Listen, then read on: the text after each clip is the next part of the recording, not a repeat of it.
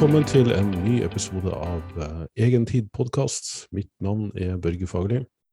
I dag har jeg tenkt å snu litt på rekkefølgen. Jeg skal begynne å snakke litt om trening og kosthold, og så får vi avslutte med det filosofiske pjattet, som jeg pleier å kalle det.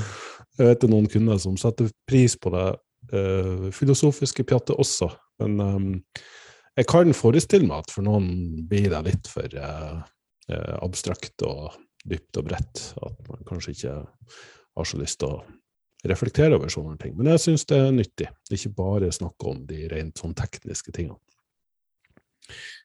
Så da vi skal starte med å, å, se på en studie som heter Overtraining Syndrome, OTS and Relative Energy Deficiency in Sport. Um, kort sagt, uh, den studien går inn på forskjellen mellom overbelastning og overtrening. Um, Overreaching, som det også kalles uh, på engelsk, uh, kan direkte oversettes med overstrekking. Så det begynner med å definere forskjellen på de to. Altså, klassisk overtrening kan ta mange måneder å manifestere seg. Det skal ganske stor treningsbelastning til for å eh, få en reell overtrening. Dvs. Si at du, du, har en permanent reduksjon i prestasjon, og du har eh, smerter og vondter og eh, hormonelle endringer og psykiske endringer. Det går utover eh, søvnen også. Eh, immunforsvaret. Sant? Eh, masse negative effekter av en altfor høy treningsbelastning over altfor lang tid. Eh, men den mer kortvarige overbelastninga, eh, den kan være ganske akutt. Det kan være noen dager med litt eh, for lite søvn og litt for mye trening. At, at du rett og slett er underrestituert.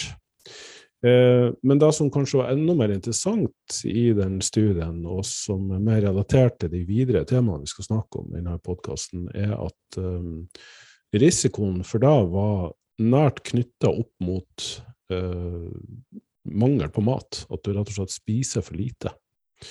Eh, som studien sa, overtreningssymptomer er også symptomer på relativt energiunderskudd, forårsaka av lav energitilgjengelighet, eh, som da er da å spise for lite i forhold til den kalorimengden du trenger for trening.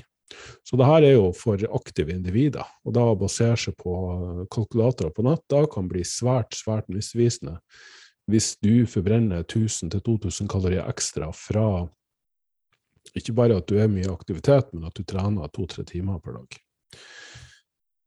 Eh, så da kan, sjøl om du spiser 3000 kalorier, så kan det fremdeles være et energiunderskudd, nettopp fordi kroppen krever såpass mye kalorier som den gjør da, eh, ved den aktiviteten. Og Spesielt også hvis du trener styrke og eh, skal bygge muskler, så krever det også kalorier.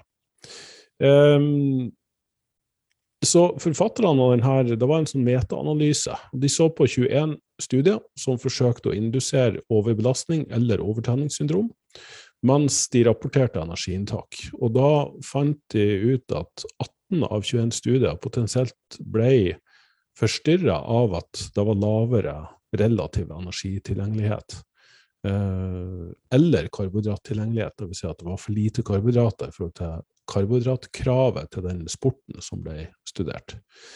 Um, og, og for, du, for, du, kan si Utgangspunktet var jo at de bare skulle se på overtreningssyndrom, men uh, de endte opp med å, å heller vurdere betydninga av relativt energiunderskudd. Eh, og det er klart, nå har det vært mye om det her i media, at uh, her er tendenser til uh, ikke bare underspising, men, regelrett spiseforstyrrelser, som fører til hormonelle forstyrrelser og beinskjørhet og, og, store helsekonsekvenser for aktive utøvere. Og det er mye kroppspress, og det er mye snakk om, om vekt, og dessverre også utseende. I um, idretter som mest av alt handler om prestasjon, så er det jo kanskje synd at utseendet skal bli dratt inn.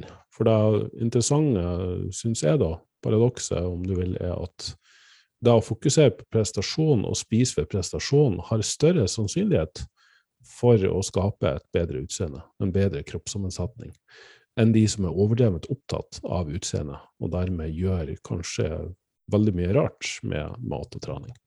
Så, så det kan være den uh, faktoren som spiller inn her.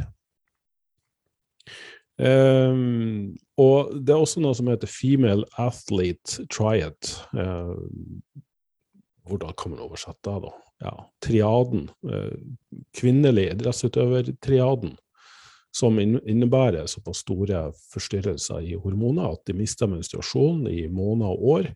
Med de konsekvensene det har, og det har igjen påvirka beinmetabolismen og selvfølgelig også da muskelmetabolismen. Så det er jo rett og slett som å ja, prøve å kjøre bil med håndbrekk på, og, og, ikke gi kroppen nok næring.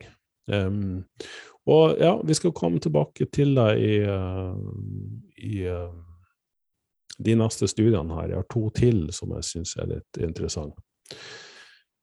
Uh, først litt kontekst. Um, det er regna ut hvor mye kalorier som trengs for å bygge muskler, og hvor mye kalorier som trengs for å metabolisere eller forbrenne fett. Og det her er selvfølgelig gjennomsnittsberegninger av ulike studier som er gjort. Um, men da tallet er rundt 1800, eller relativt nøyaktig 1815 kalorier per kilo muskelmasse du skal bygge. Det er altså ikke så fælt mye uh, når du hører det sånn.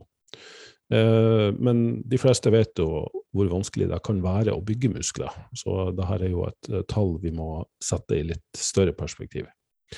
Eh, derimot, for å gå ned i fettprosent eller miste fett, så er ett kilo metaboliserbar fettmasse tilsvarende 9440 kalorier. Så i teorien, hvis du over en periode på la oss si en måned eh, klarer å bygge to kilo muskler og gå ned ett kilo fett, så, så har du gått opp ett kilo i vekt.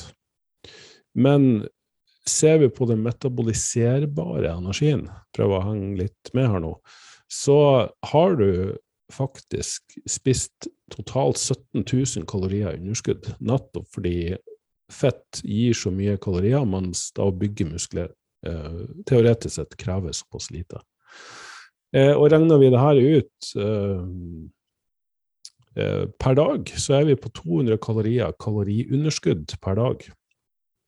Så i teorien så kan du ved å spise 200 kalorier underskudd klare å bygge to kilo muskler og gå ned én kilo fettprosent. Eh, og det er kort sagt fordi ja, muskler brenner fett, eh, og det er eh, en såpass eh, det er såpass kostbart å bygge muskler eh, på sikt, da.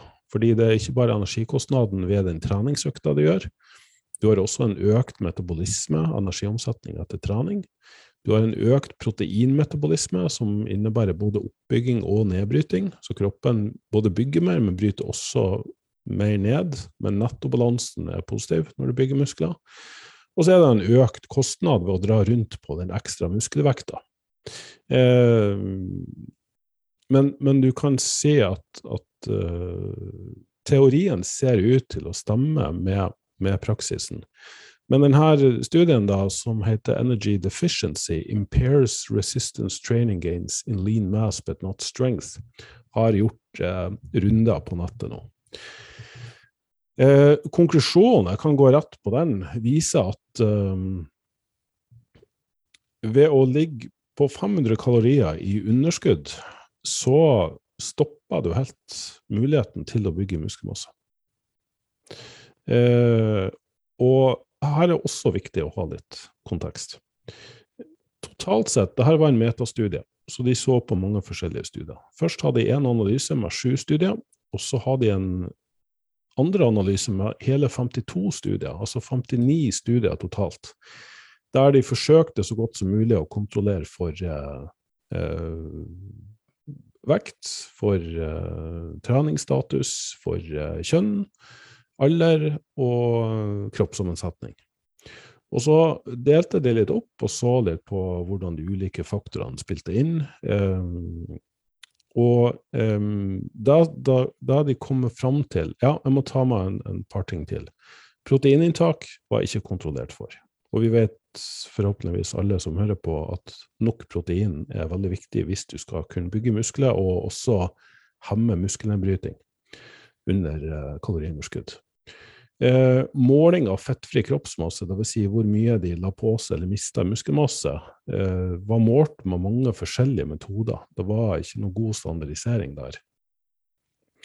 Eh, og som, eh, som, de fleste kanskje også vet, er at bare i starten, når du begynner å gå på diett, eller du endrer på kostholdet ditt, eller til og med endrer på saltinntaket ditt, så kan du gå ned ganske hurtig i vekt ganske fort. og Det kan gi seg utslag som at nå, nå har du tapt muskelmasse. Eh, så fettfri kroppsmasse, det er alt utenom fett. Og da er det ikke så, nødvendigvis sånn at det du har tapt, er muskelmasse. Det kan være endring i væskenivå. Så når det ikke blir kontrollert for, så, så kan det forskyve tallene kunstig i en eller andre retninger.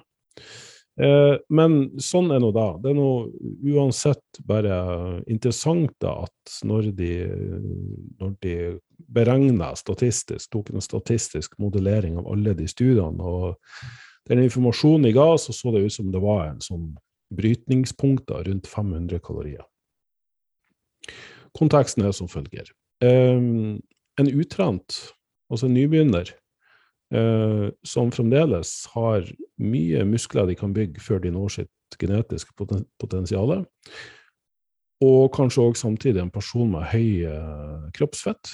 Dvs. Si de har mye metaboliserbar energi, som tilbake til det regnestykket vi gjorde, at da er det større sannsynlighet for at du kan bygge muskler i et underskudd, fordi kroppen kan frigjøre så mye fett i prosessen at den dekker de kaloriene kroppen trenger for å bygge muskler, og den kostnaden det innebærer.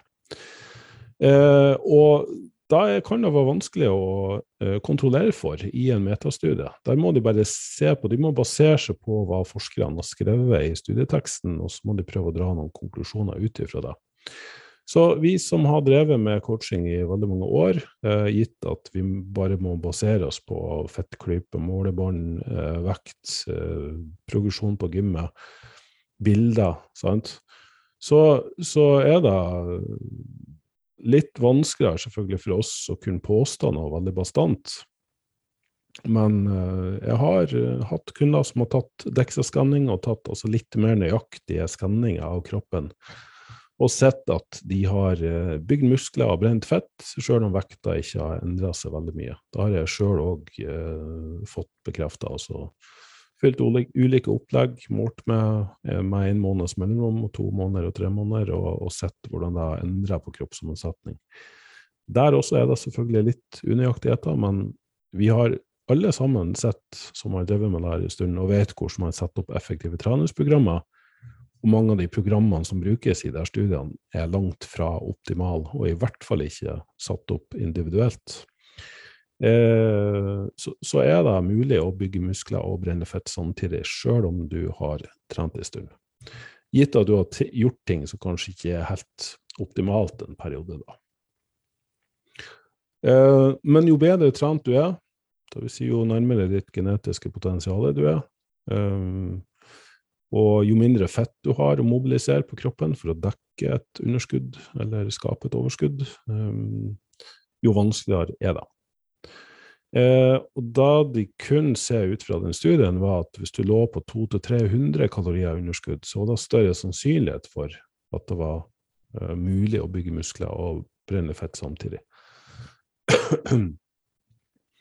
eh, og da er jo da ref den beregninga gjorde på skal du klare å bygge to kilo muskler og gå ned ett kilo fett, så kan du gjøre det med 200 kalorier per dag i underskudd. I praksis er nok det særdeles vanskelig. Eh, det jeg opplever, er at um, det å ligge veldig nært vedlikeholdsnivå uh, for veldig mange kan gjøre at de verken går ned i fettprosent eller bygger noe særlig muskelmasse.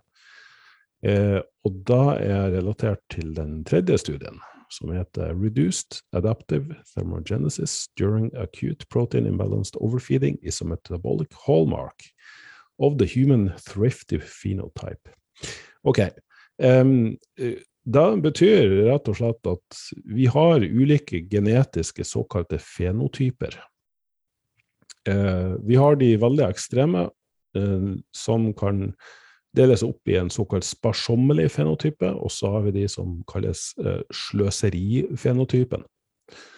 Eh, de aller fleste er relativt greit midt imellom, men eh, det her har jeg jo selvfølgelig sett eh, gjennom mange år eh, som coach, og eh, kjenner meget godt til, og, og det er begynt å bli bevissthet rundt det innen forskningsverden. Sparsommelige individer, eller fenotyper, de har høyere energiforbruk under en eh, nøytral energibalanse, dvs. Si vedlikeholdsnivå. Men med en gang de går på kaloriunderskudd, så eh, opplever de at uh, energiforbruket, dvs. Si metabolismen, dropper dramatisk. Uh, at kroppen rett og slett er sparsommelig. Det vil spare på energien med en gang de går på diett. Uh, og når de da prøver å øke kaloriene, så regulerer ikke metabolismen seg nødvendigvis oppover like mye. Så det er en skjevfordeling. Dvs. Si, forbrenninga dropper veldig mye på kaloriunderskudd, og går ikke spesielt mye opp under kalorioverskudd. De som er såkalte sløserifenotyper, de, eh, når de skrur opp kaloriene, så øker metabolismen i takt med hvor mye de skrur den opp. Så jeg har hatt eh, tilfeller av folk som kan skru opp kaloriene ekstremt mye, og vekta endrer seg ikke i det hele tatt. Men de blir derimot veldig, veldig varme, går rundt og svetter hele tida. Eh, og de her fenotypene ser da ut til å Med en gang de skal gå ned i, altså gå på kaloriunderskudd, så eh, skrur ikke forbrenninga seg ned spesielt mye. Så, så, de har jo på en måte, de har vanskeligere for å legge på seg, sant? fordi forbrenninga skrur seg opp. Men de har ikke noe problem med å gå ned i vekt. Med en gang de skrur ned kaloriene litt, så, så går de veldig mye ned i vekt. Rett og slett fordi forbrenninga holder seg såpass høyt. Eh, så igjen oppsummert, sparsomme fenotyper vil eh, rett og slett ha et problem med å gå ned i vekt, men ikke noe problem med å gå opp i vekt. Mens sløserifenotypen eh, kan eh, ha problemer med å gå opp i vekt, og ikke noe problem med å gå ned i vekt. Men det her med vektregulering er jo veldig mangefasettert. Det har mange forskjellige Det, det er ganske komplekst.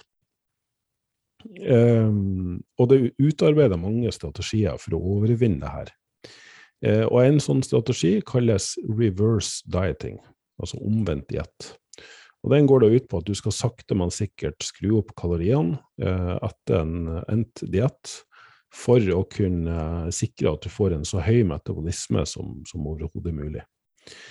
Eh, men gitt at vi forstår hvordan det her fungerer, at det er en sånn skjevhet, og den er fenotypisk, altså genetisk, så vil det egentlig virke mot sin hensikt for begge de her fenotypene. Sant? Hvis du har en metabolisme som er veldig adoptiv oppover, så vil det å skru opp kaloriene veldig sakte være en dårlig idé. Det vil si at det har egentlig ikke noe særlig effekt. For med en gang du uansett går på diett, så er det veldig enkelt for deg å gå, gå ned i diett, sjøl om du har skrudd opp kaloriene veldig mye med sånn trinnvis prosess. Mens de som da dropper veldig mye forbrenning når de skrur ned kaloriene, så vil det å, å, ta en sånn reverse diet og stegvis øke kaloriene egentlig ikke ha noe større utbytte. De vil ikke kunne øke forbrenninga si så veldig mye uansett. Så de kan like gjerne legge seg på det kalorioverskuddet som er optimalt for dem, og så kan de bare være der.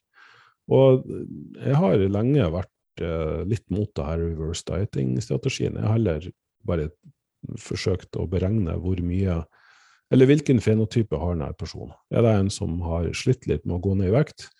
Greit, da bruker vi lang tid på dietten. Vi, vi skrur ned sakte, men sikkert, rett og slett fordi kroppen regulerer seg så hurtig ned.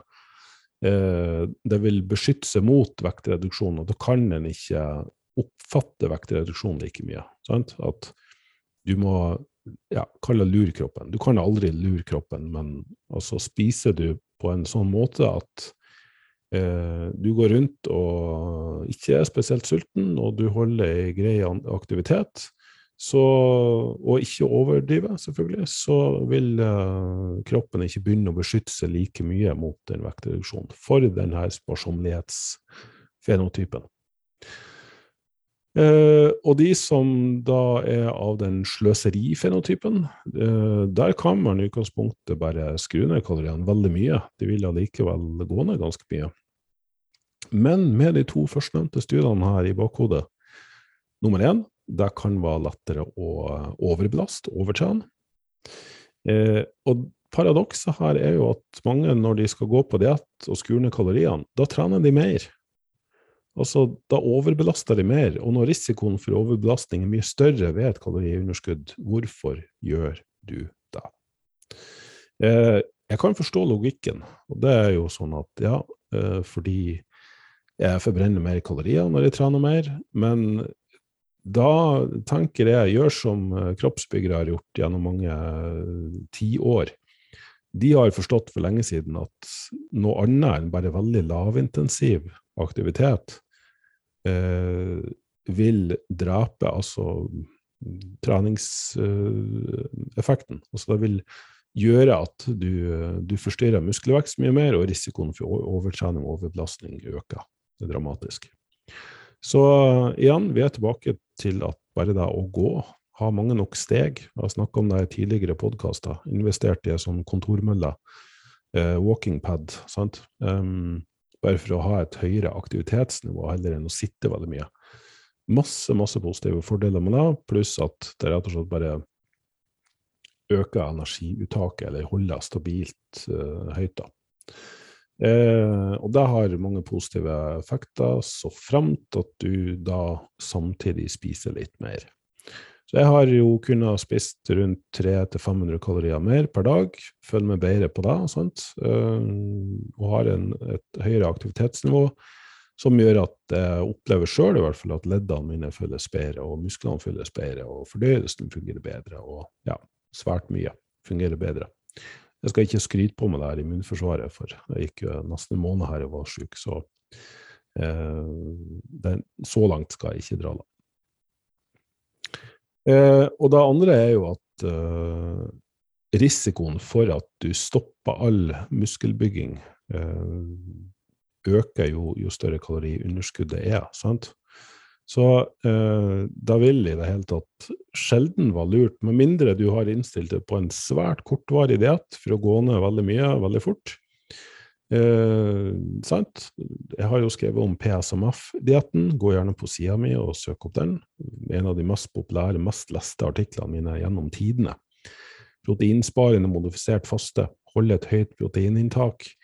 Tren kun vedlikehold. To økter. Lavt volum holde generelt i aktivitet, og så er det å minimere kaloriinntaket ved å kun spise magre proteinkilder og grønnsaker for, for å få mer volum. Eh, og da kan du gå ned ganske mange kilo på kort tid, og da kan du selvfølgelig ikke regne med at du skal bygge noen muskler i hele tatt. Eh, merk også at jo lengre du går på den dietten, i hvert fall hvis du har veldig lite fett på kroppen, jo større er risikoen for å miste muskelmasse. Men på kort sikt så er det fullt mulig å gå ned ganske mye i fett uten å miste så veldig mye muskelmasse, derav det høye proteininntaket, som i hvert fall på kort sikt kan forhindre det, og kun nok trening til å ja, gjøre det mer usannsynlig at du skal miste muskelmasse, i hvert fall. Eh, men når det gjelder de her fenotypene, så, så er jo det her de ekstreme variantene. Da vi så på de studiene, jeg har vært inne og sjekka noen av de sjøl, så var det jo de aller fleste litt sånn midt på treet. Du kan skru opp kaloriene en god del, og forbrenninga tilpasser seg. Eh, jeg er nok sjøl der at eh, jeg må gå veldig lavt i kalorier. Eh, altså jeg tilhører den sparsommelige fenotypen. da jeg, kan, jeg, må skru ned kaloriene ganske mye eh, for å gå ned noe særlig i fettprosent eller vekt. Men den største feilen jeg har gjort, er jo nettopp det at jeg har skrudd ned for fort og sulta meg, og, og opplevd at kroppen motarbeider meg mye raskere. Og med en gang jeg da begynner å spise sånn normalt igjen, så, og, og selvfølgelig spise ganske mye fordi jeg har vært så ekstrem, så legger jeg på meg mye mer. Eh, og så er jeg litt sånn dårlig sirkel. Og selvfølgelig har jeg hatt svært mange kunder med samme problematikk. Jeg er overbevist om at jeg er en fenotype, altså genetisk disposisjon her, men at veldig mye kan gjøres, og, og bør gjøres uansett, med å være smart på det. Eh, og uten å gi noen nøyaktige tall på, på, kalorier opp eller ned, så kan jeg i hvert fall si at det er sjelden smart for en person som har trent en stund, å forsøke å legge på seg noe mer enn 100 gram per uke. Eh, og det er vanskelig selvfølgelig å kontrollere 100 gram per uke. Da må du ta snittvekt, sant? du må veie det flere ganger gjennom uka, og så må du sette inn i et regneark som regner ut gjennomsnittet. At du har en sånn løpende beregning av gjennomsnittet i, i, vekt. Nettopp fordi den kan variere såpass mye fra dag til dag. Eh, og 100 gram per uke tilsvarer 5 kilo per år. Da vil jeg si for en godt trent person er særdeles bra. Og 5 kilo, da kan vi ikke regne med at alt er muskelmasse. Faktisk er det regna for å være god framgang å legge på seg 2-3 kilo muskelmasse på et år. Eh, og da vil nok komme til et punkt der det blir vanskeligere og vanskeligere å gjøre nettopp det. For en person som er litt mer utrent, eller midt på treet, eller kanskje til og med har trent veldig mange år, men trent ineffektivt, eh, har hatt mange av de kundene, eh, så kan du tillate 250 gram opp per uke. Tilsvarende 12-13 kilo per år. Igjen, å legge på seg 12-13 kilo muskelmasse på et år, eh, da har du nok eh, vunnet det genetiske lotteriet. Men eh, jeg har hatt de som har eh, kunne ha gått opp, opp til én kilo i måneden, men da har vi ja, holdt målingene relativt stabile, men det har vært sånn sakte, men sikkert at man har gått opp litt i, i fettprosenter. Men det har vært akseptabelt nettopp fordi at da kan man ved å gjøre det på en smart måte, gå ned de to-tre kiloene i fettmasse over en lengre periode og fortsette å ha gode treningsøkter uten å hemme muskelveksten så mye. På vei nedover så kan vi imidlertid si det at å gå ned så mye mer enn en halv prosent av kroppsvekta di per uke For en person på 100 kilo så er det her 500 gram, altså et halvt kilo per uke.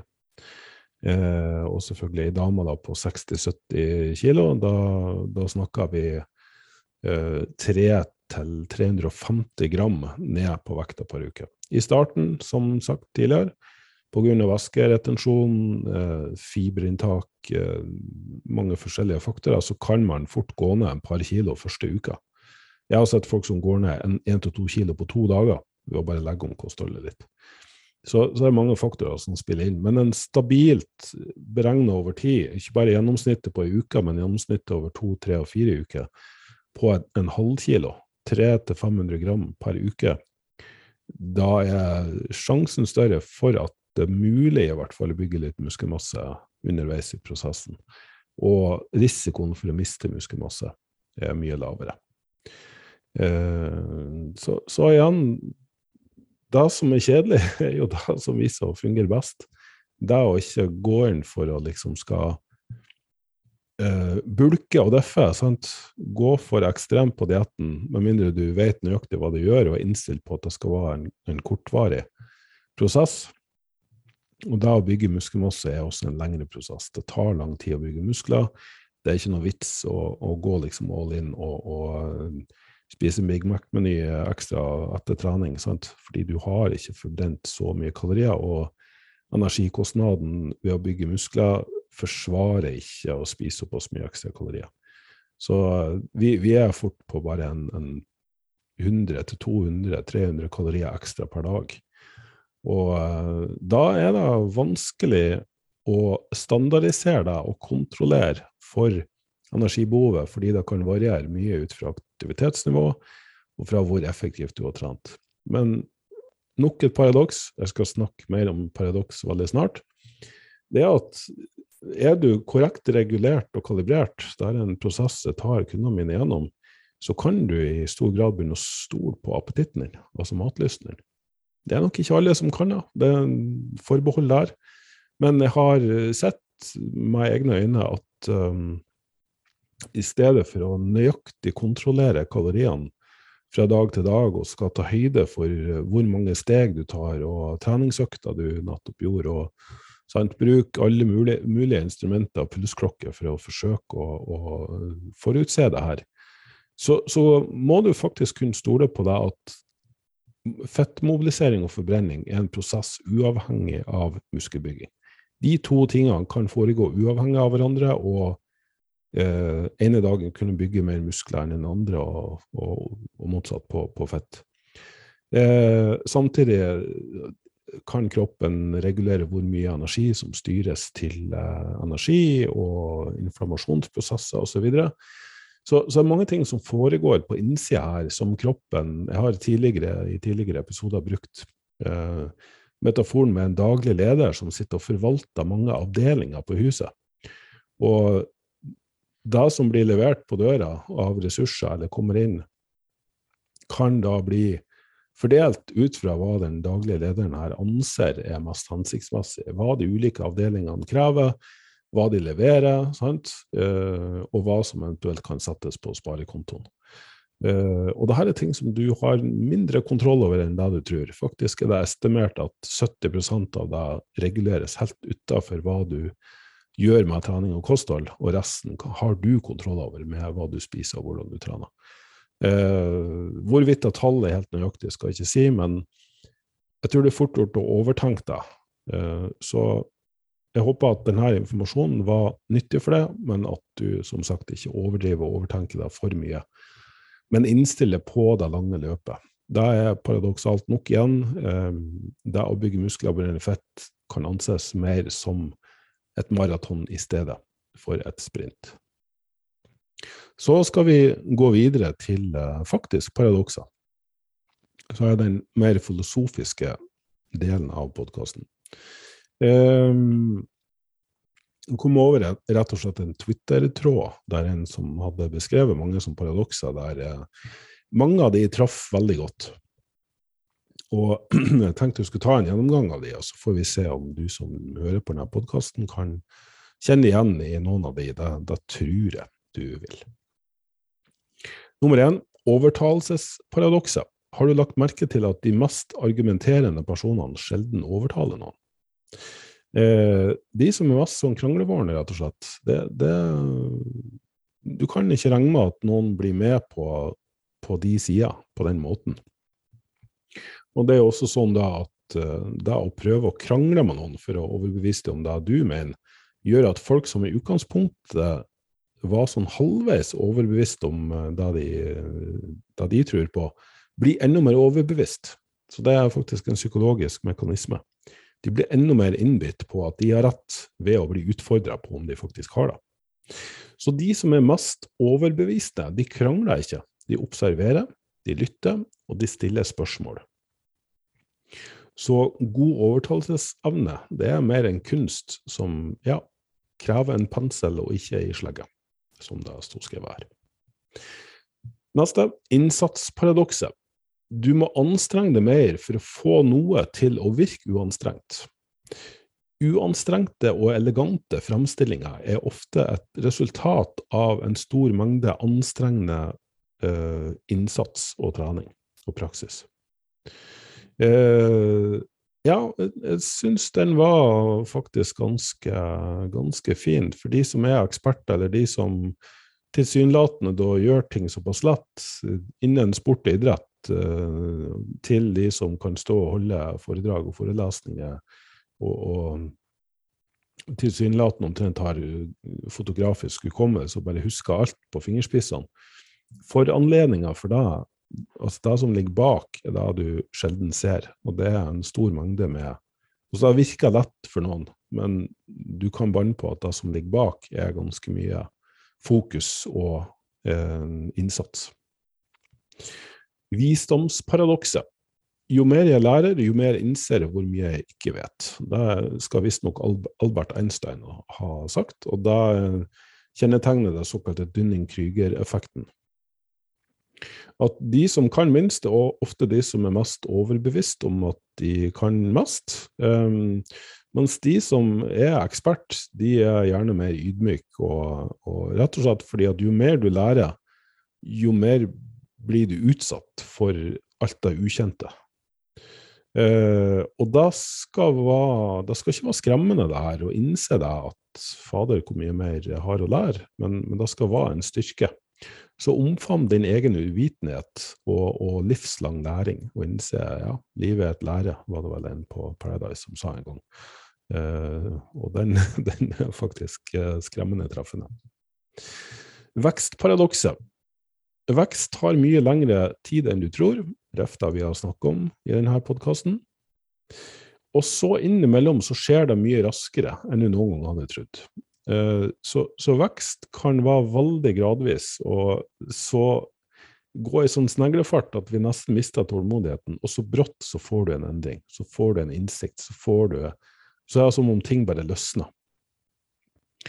Eh, men når du innser det her, da, at eh, vekstprosesser kan ta lang tid før det løsner, og ofte er det som om du venter evigheter på at det skal løsne, så, så gir du ikke opp for det. Sant? Du jobber ikke for at det skal løsne, men du jobber nettopp fordi du vet at vekst innebærer at det må gå litt langsomt. Produktivitetsparadokset. Jobb lenger og få mindre gjort. Parkinsons lov, jeg var vel innom den i forrige episode, den tilsier at arbeid utvides for å fylle tida som er tilgjengelig for fullførelsen. Så det å sette tidsfrister som er overdrevent optimistisk, gjør at utrolig nok, paradoksalt nok, folk fyller den tida. Det tar den tida det tar, rett og slett. Mens eh, det Elon Musk anbefalte, var jo å sette sånn eh, overmenneskelige, nesten, nesten morsomme latterlig korte tidsfrister. Og, og sjøl om det gikk over den tidsfristen, da, så var det allikevel mye bedre enn det de aller fleste andre klarte. Uh, så, så, ja. Konklusjonen etter denne var å jobbe som en løve i stedet. Sprint, hvil og gjenta. Eh, Pomodoro-teknikken, har du hørt om den? Det, det, finnes til og med egne timere på nett som du kan bruke. Jeg har skrevet en artikkel om det her, uh, nyhetsbrev, hva det nå enn var. Det er et veldig effektivt produktivitetsprinsipp som uh, baserer seg på forståelsen av hvordan hjernen fungerer. Som en muskel så kan du ikke fokusere eller um, Uh, bruke den veldig intensivt altfor lenge av gangen før du må ha litt hvile. Vil si alt fra meditasjon til at du bare gjør noe helt annet. Spiller videospill eller noe sånt. Um, eller gjør noe helt annet som er mer sånn av kreativt av natur, f.eks. Og Pomodoro-teknikken, da kan du sette på en timer på 20-30 minutter. Eh, jeg vil si at hjernen kan fokusere opptil 45 minutter før den må ha en litt lengre hvilepause. Men korte arbeidsøkter med 5-10 minutter pause, og etter tre til fire sånne arbeidsøkter så tar du en lengre pause. Da kan du faktisk få utrettet ganske mye. Og det her har de jo sett i, i praksis i mange forskjellige sammenhenger at gjennom en typisk arbeidsdag på åtte timer, det er de færreste som har mer enn to til tre særdeles effektive timer. Og som mange kanskje òg oppdaga under koronanedstenginga, der folk satt og faktisk jobba veldig effektivt hjemme, og så gjorde de kanskje ikke så veldig mye resten av dagen, men jobben var gjort allikevel. Hastighetsparadokset. Du må bremse ned for å få fart. Å bremse gir deg tid til å være bevisst hvilke handlinger du, du, utfører. Du kan fokusere, du kan samle energi, og du kan forvalte og distribuere ressursene dine mer effektivt. Og da gjør jo at fokuset ditt blir helt annerledes. Du, du fokuserer på hva som, som, gir mest gevinst og avkastning. Eh, fokuset ligger ikke på mest mulig innsats. Så, så, det er faktisk noe som kan sies med å gå sakte for å gå fort. Eh, igjen tilbake til treningsprosessen. Jeg prøver å relatere alt til både trening og kosthold. At det at folk har sånn hastverk, gjør at uh, det går galt. Så det å bremse ned, få mer oversikt, gjøre ting smart, i stedet for bare ekstremt og mye, uh, gjør faktisk at du på sikt får mye mer uh, gevinst, utbytte og resultat. Um, nyhetsparadokset. Jo flere nyheter du konsumerer, jo mindre informert er du. Uh, da er faktisk så enkelt som at mer data fører til at du har et høyere såkalt støy til signalforhold. Uh, det kjenner jeg fra utdanna ingeniør. Og du ender faktisk opp med å vite mindre om hva som faktisk skjer. Så hvis du vil vite mer om verden, finn deg noen få kvalitetskilder som du fokuserer oppmerksomheten din på, og så slutt å scrolle og bruke alle mulige forskjellige informasjonskilder for mye. Eh, men der kan det være utfordring, selvfølgelig. Finn på hva er en pålitelig eh, informasjonskilde. Der jeg kan tipse om en veldig sånn nøytral kilde til uh, det som foregår i verden. Det er faktisk uh, en Wikipedia-side som heter Current Events, portal. Eh, og den ligger jo på wikipedia.org. og ellers skal vi se Hvordan får man det Ja, portal kolon current understrek events. Og der er det rett og slett bare helt sånn saklig. Eh, ingenting som clickbait eller eh, voldsomme overskrifter, men bare rett og slett ramsa opp. F.eks. i dag, eh, topics in the news. Worldwide så er det Following a year of protests by farmers, India repeals the Indian Agriculture Act of 2020. Men da har de jo også kan si, armed conflicts and attacks, disasters and accidents, bare ren saklig oppramsing, og covid-19-pandemien, da. Hvordan tallene er i de forskjellige delene av verden, og hva de rapporterer. Neste er fiaskoparadokset. Du må feile mer for å lykkes mer. Den kjenner vi veldig godt igjen i. Våre største øh, øyeblikk av vekst eller framgang kommer ofte direkte fra våre største fiaskoer.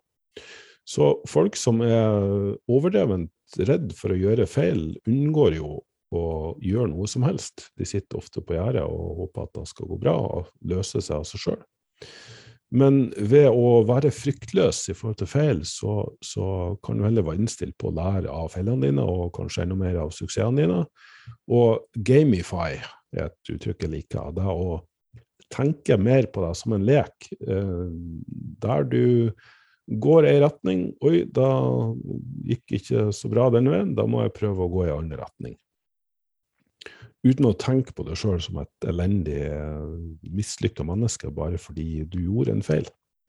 Så, så frakobla fiasko og suksess fra din person, og, og var mer sånn nøytral observatør, utforskende, til, til, hva du foretar deg. Eh, og den neste skal vi se, det krympende paradokset. For å vokse må du noen ganger krympe. Vekst er sjelden lineær. Eh, og da går rett og slett bare på å skjære bort litt dødvekt. Mye av det jeg gjør i en coachingprosess, er ikke bare å legge til og legge til. Her skal du få lære noe nytt. Men mer hva er det du gjør i livet ditt som holder deg tilbake? Hva er det du må kvitte deg med så, som gjør at langsiktig vekst eller bærekraftighet er vanskelig å oppnå? Så ett skritt tilbake og to skritt fram kan faktisk være en mye bedre oppskrift på liksom konsekvent langsiktig suksess enn, enn å bare skal finne ut biohacke og trikse og lure og finurligheter seg fram til, eh, til, hvordan du kan gjøre det best mulig. Eh, litt, litt mer den tilbake til utforskende lekenhet syns, syns jeg er veldig fin. Ja, det, det er noe jeg sier til kundene mine veldig ofte. Neste dødsparadokset. Kjenn din død, eller erkjenn din død, for å virkelig leve livet ditt. Memento mori er en stoisk eh, påminnelse om dødens uunnværlighet, uunngåelse. Altså, du kommer ikke uten død. Memento mori, husk døden. Eh, og det er ikke ment å verken skremme eller gjøre det deprimert, men heller å klargjøre, belyse og inspirere. At døden er uunngåelig å leve mens du lever. Gjør livet mest mulig fargerikt. Si nei i paradokset. Ta på det mindre, oppnå mer. Hvis du sier nei til det her, hva kan du si ja til? Suksess kommer ikke av å ta på seg absolutt alt som kommer din vei. Velg med omhu. Eh, Mark Manson har sagt 'if it's not a fuck yes, it's a fuck no'. Og, og den må jeg påminne meg sjøl uh, ofte. Uh, så, så, da å kunne si ja til det som virkelig betyr noe, og, og gjør også at du kan si nei til det som ikke gjør det, og omvendt. Beskytt tida di som en gave, som noe som skal verdsettes. Eh, samvittighet, manipulering, ikke gå inn i den fella der. Det, det er utrolig fort gjort. og bli den som strekker det tynt i alle mulige retninger for å please alle sammen, og så er det egentlig ingen som ender opp med å bli fornøyd av det. Ja, og her er ganske mange, men jeg skal bare ta en par til som jeg syns er veldig bra.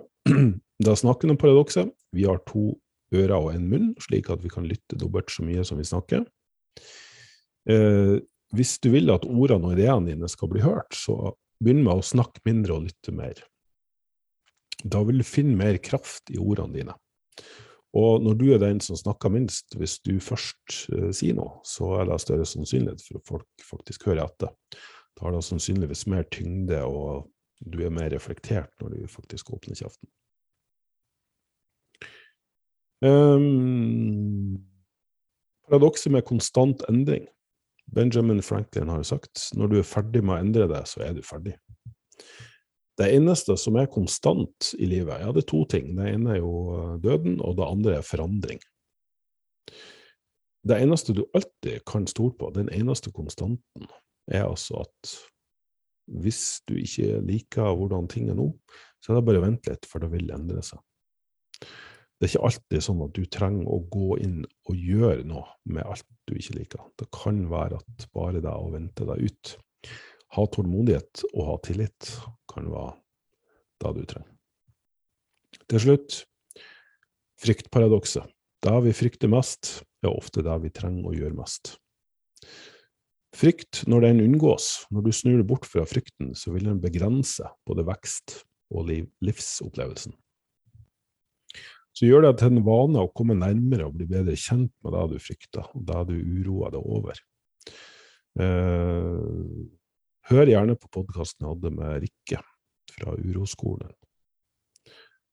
Så ta, ta da spranget metaforisk. Du, du, kan bare finne vekst på den andre siden av, av frykten din. Og med det så skal jeg avslutte. Jeg har eh, snakka lenge nok her, føler jeg, men håper at um, du både har lært noe om uh, mat, trening og hvordan ha et bedre liv. Hvordan forvalter du din egen tid? Jeg vil gjerne høre fra deg. Jeg vil også gjerne at du gir meg tilbakemeldinger og ønsker om tema, som du kan sende til eh, coach at børgefaglig.no. Tusen takk for at du hørte på. Ha en fortsatt strålende dag eller natt videre.